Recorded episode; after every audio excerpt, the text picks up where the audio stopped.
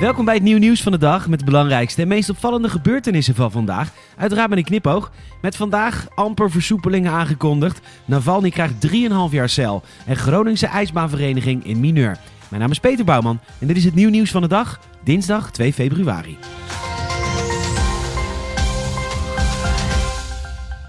We zitten in een spannende en onzekere fase van de coronacrisis. Zo begon premier Rutte zojuist zijn persconferentie. De Britse variant van het virus neemt de oude variant snel over en dus is optimisme geen optie. De huidige lockdown zou verlengd worden tot 2 maart.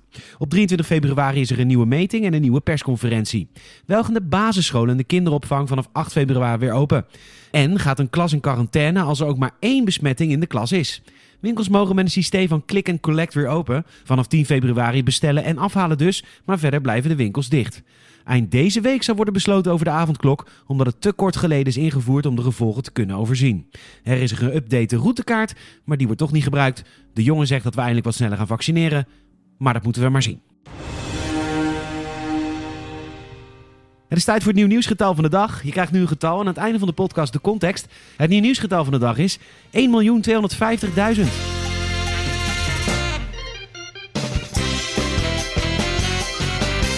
Hij is de meest succesvolle oppositieleider die Poetin ooit tegenover zich heeft gehad. Een vergiftiging hielp niet en na een comateuze periode in Duitsland besloot Alexei Navalny zelfs terug te keren naar Rusland.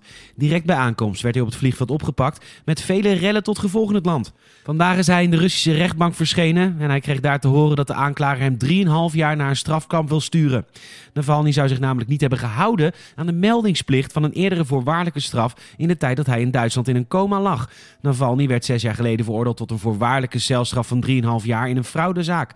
Daarbij hoorde ook een meldingsplicht, maar dat hij vorig jaar werd vergiftigd, bracht hij een paar maanden door in een Duits ziekenhuis en heeft hij zich dus niet aan deze plicht gehouden. Voor de rechtbank legde hij vandaag dan ook uit dat hij zich niet kon melden omdat hij in een coma lag. De aanklager heeft daar geen boodschap aan en wil dat hij zijn voorwaardelijke straf alsnog uitzit. Aangezien Navalny al een jaar in huisarrest doorbracht, zou de straf nu uitkomen op 2,5 jaar in een strafkamp. Navalny greep de aandacht rond het proces aan om president Poetin nog eens openlijk aan te vallen. De reden voor dit is de haat en angst van één persoon die zich in een bunker verstopt. Ik heb hem diep beledigd door het feit dat ik het heb overleefd, brieste hij.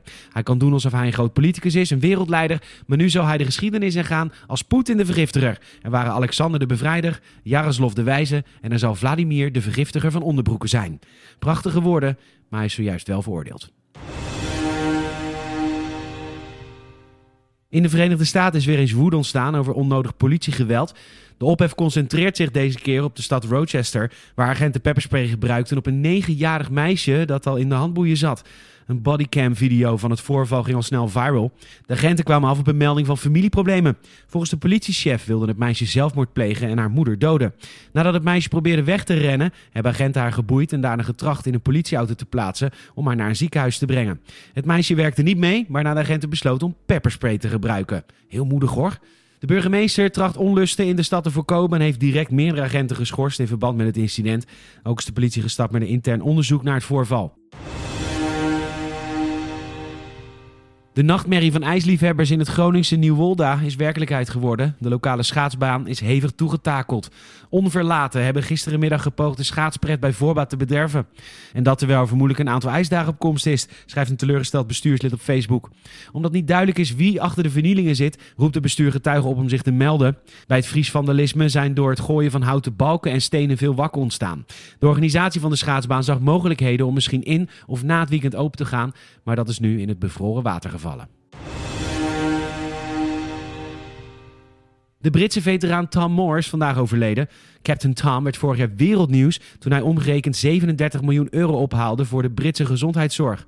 Hij deed dit door ze te laten sponsoren om rondjes te lopen in zijn achtertuin. Twee dagen terug werd bekend dat Captain Tom besmet was geraakt met het coronavirus. Hiervoor werd hij opgenomen op de intensive care. Hij kwam recent ook al in het ziekenhuis vanwege een longontsteking. Na aanleiding van zijn succesvolle actie werd Captain Sir Tom Moore geridderd. Captain Sir Tom Moore is 100 jaar oud geworden.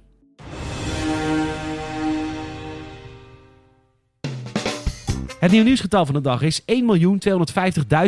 Mariah Carey is aangeklaagd door haar eigen zus Allison. Zij eist minstens 1.250.000 dollar als schadevergoeding voor de dingen die Mariah Carey over heeft geschreven in haar recente autobiografie The Meaning of Mariah Carey.